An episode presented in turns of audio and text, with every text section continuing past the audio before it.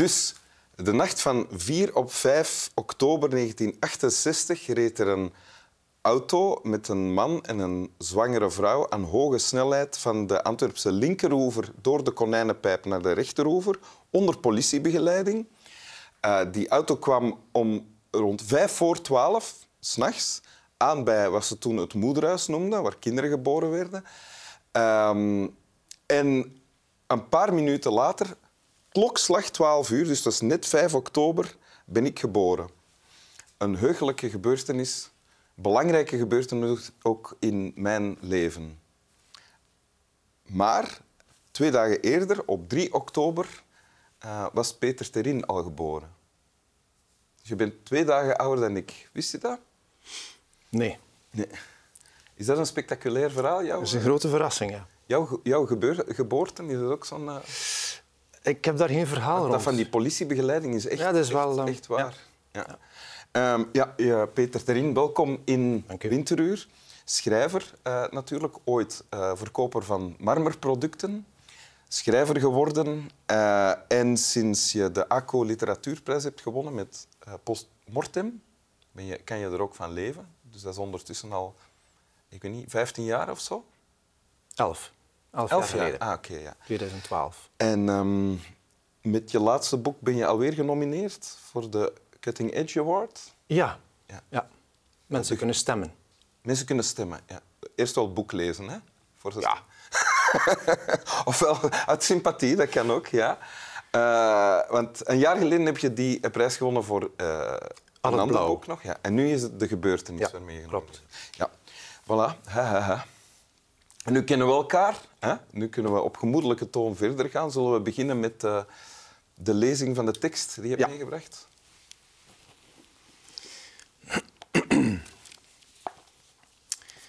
Ze deed een stap terug. Hoe kon ze die lange, jonge vrouw recreëren, wier lach mensen het hoofd op hol bracht?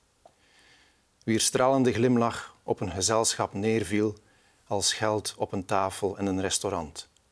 Sneeuw op een landhuis, de ochtend op zee. Ze pakte haar gereedschap bij elkaar, oogpotlood, komkommercrème, gelatinekleurige lippenstift. Uiteindelijk was ze tevreden. Bij een bepaald licht, met de juiste achtergrond, in de juiste kleren, een mooie jas, ja.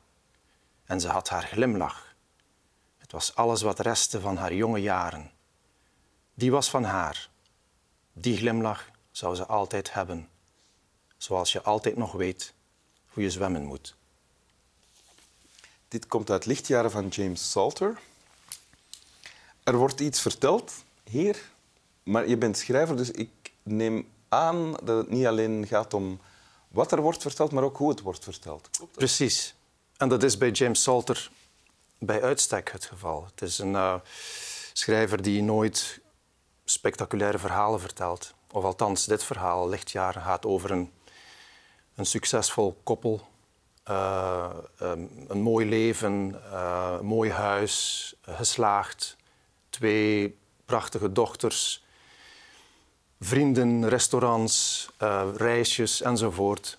Um, maar zoals het op de achterflap van het boek, in de Nederlandse vertaling althans staat, het is een koppel dat botst op de grens van hun geluk.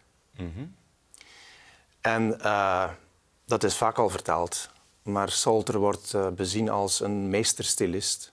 Um, en uh, het gaat om het hoe. En hoe hij dit hier doet. Um, nou ja, ik vergelijk Salter graag met Mohammed Ali. De bokser? Ja. Mm -hmm. Salter is eigenlijk een schrijver met lange armen, zoals Ali lange armen had. Het is geen um, Mike Tyson-type dat briesend de ring betreedt en, en, met rechtse en linkse hoeken en uppercuts... Zo geen beuker. Ja, zo snel mogelijk de knock-out probeert te bereiken. Nee, Salter heeft geduld, hij heeft lange armen en hij gebruikt de jab. De jab? De jab. Weet je, je, hebt, de, je hebt de uppercut, je hebt, rechts en links en dan ja. de jab is gewoon rechtdoor. Rechtdoor. Ja. Maar degene met de langste armen kan de jab gebruiken. Als je korte armen hebt, kun je dat niet gebruiken, want je komt te dicht bij de tegenstander. Ja, ja. En die jab is op zich ook geen stoot waarmee je iemand knock-out slaat. Het zijn eigenlijk een beetje tikken op het voorhoofd van de tegenstander. Want meestal wordt de kin beschermd op het voorhoofd. Maar die jab heeft een cumulatief effect. Dat effect stapelt zich op en uiteindelijk blijkt dat toch effectief. Je klopt je tegenstander en uh, uh, Langzaamaan... muro. Mur. Ja. Een hersenschudding. Nou ja, hersenschudding niet. Daar heb je die uppercut weer voor nodig. Ah, ja. of zo. Oké, oké. En eigenlijk is, als je bekijkt wat Solter in deze paragraaf doet, Ja? dat is de jab gebruiken. Hij is heel geduldig en elk zinnetje is een soort lichte tik op het voorhoofd van de lezer.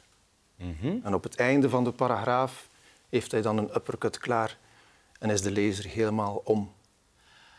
En die uppercut zit in de zin van die was van ja, haar die, glimlach. Ja, dat ze altijd nog haar glimlach heeft, zoals je nooit vergeet hoe je zwemt. Ja. Dat vind ik een, ja, om in de, om in, in, in de termen van boksen te blijven, ik vind dat een bloedmooie paragraaf. Paragraaf zeg je. Ja. Ja. Want die paragraaf, of die laatste zin, de uppercut, die bestaat maar bij gratie van alles wat er voordien is. eh, ja, dat vind ik wel. gezegd. Ik vind dat het effect groter wordt door het voorafgaande. ja. En die, die, die rust en die opbouw, die elegantie ook, dat, geeft hij, dat deelt hij met Mohammed Ali. Ah, ja, ja, ja. Niet direct willen scoren, maar geduld hebben. Ah, ja. Geduld hebben. De vraag ligt voor de hand. Is dat dan iets dat jij ook probeert of je jezelf in bekwaamt? Dat probeer ik, ja. Maar eh, ja, ik, ik ga me niet vergelijken met Salter, want eh, dat is toch van een ander niveau. Oké. En we hebben het nu even gehad over zeg maar, de techniek. Hè? Hoe, hoe hij schrijft, zinnetje per zinnetje, om dan uiteindelijk toe te slaan. Maar er wordt ook wel iets verteld natuurlijk. Ja, het is ook heel mooi wat er verteld wordt. En deze paragraaf zou je ook een, een beetje de ingedekt, ingedekte versie van het boek zelf kunnen noemen. Ah, ja. Als je Eh, geen zin hebt om het hele boek te lezen, dan... Hier zit eigenlijk alles al in. Oké. Namelijk ja, de schone schijn, toch jong willen blijven, eh, niet willen aanvaarden dat het leven voorbij glijdt. En, en dan toch ja, dat ontwapenende eh, van dat laatste, van die glimlach, dat, ja, dat je altijd nog behoudt, of dat zij nog altijd heeft. Ehm, dat ontroert mij enorm. Want heeft die laatste zin lees ik wel als eigenlijk hoopvol. Ja, zeer hoopvol. Ja. Dat bedoel ik.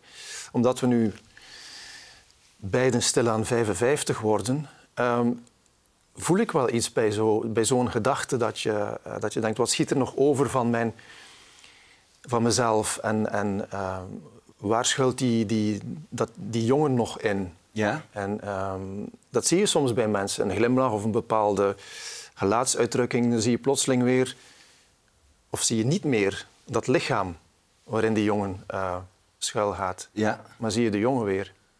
En waarin zit... wa- wa- wa- als zij zegt van ik heb nog altijd mijn glimlach, en die zal ik altijd blijven hebben, wat is het dan bij jou? Kan je daar een Dat antwoord- weet ik niet. Nee? Nee, dat weet ik niet. Daar heb je misschien andere mensen voor nodig om Ja, daar een antwoord denk ik te wel. geven. Ja.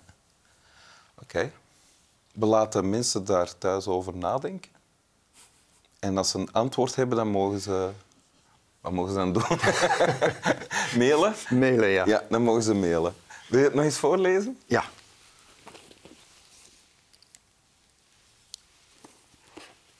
Nog eens voorlezen. Ze is trouwens aan het opmaken in een heel armetierige hotelkamer voor een spiegel. Ik heb nog één vraagje. Wat is komkommercrème? Weet je dat? Geen idee, maar dat zal op basis van komkommer zijn. Ja. Ze deed een stap terug. Hoe kon ze die lange, jonge vrouw recreëren, wier lach mensen het hoofd op hol bracht? Wier stralende glimlach op een gezelschap neerviel als geld op een tafel in een restaurant. Sneeuw op een landhuis, de ochtend op zee. Ze pakte haar gereedschap bij elkaar. Oogpotlood, komkommercrème, gelatinekleurige lippenstift. Uiteindelijk was ze tevreden. Bij een bepaald licht, met de juiste achtergrond, in de juiste kleren, een mooie jas. Ja, en ze had haar glimlach. Het was alles wat restte van haar jonge jaren. Die was van haar. Die glimlach zou ze altijd hebben. Zoals je altijd nog weet hoe je zwemmen moet. Dank u. Alsjeblieft. Slap wel.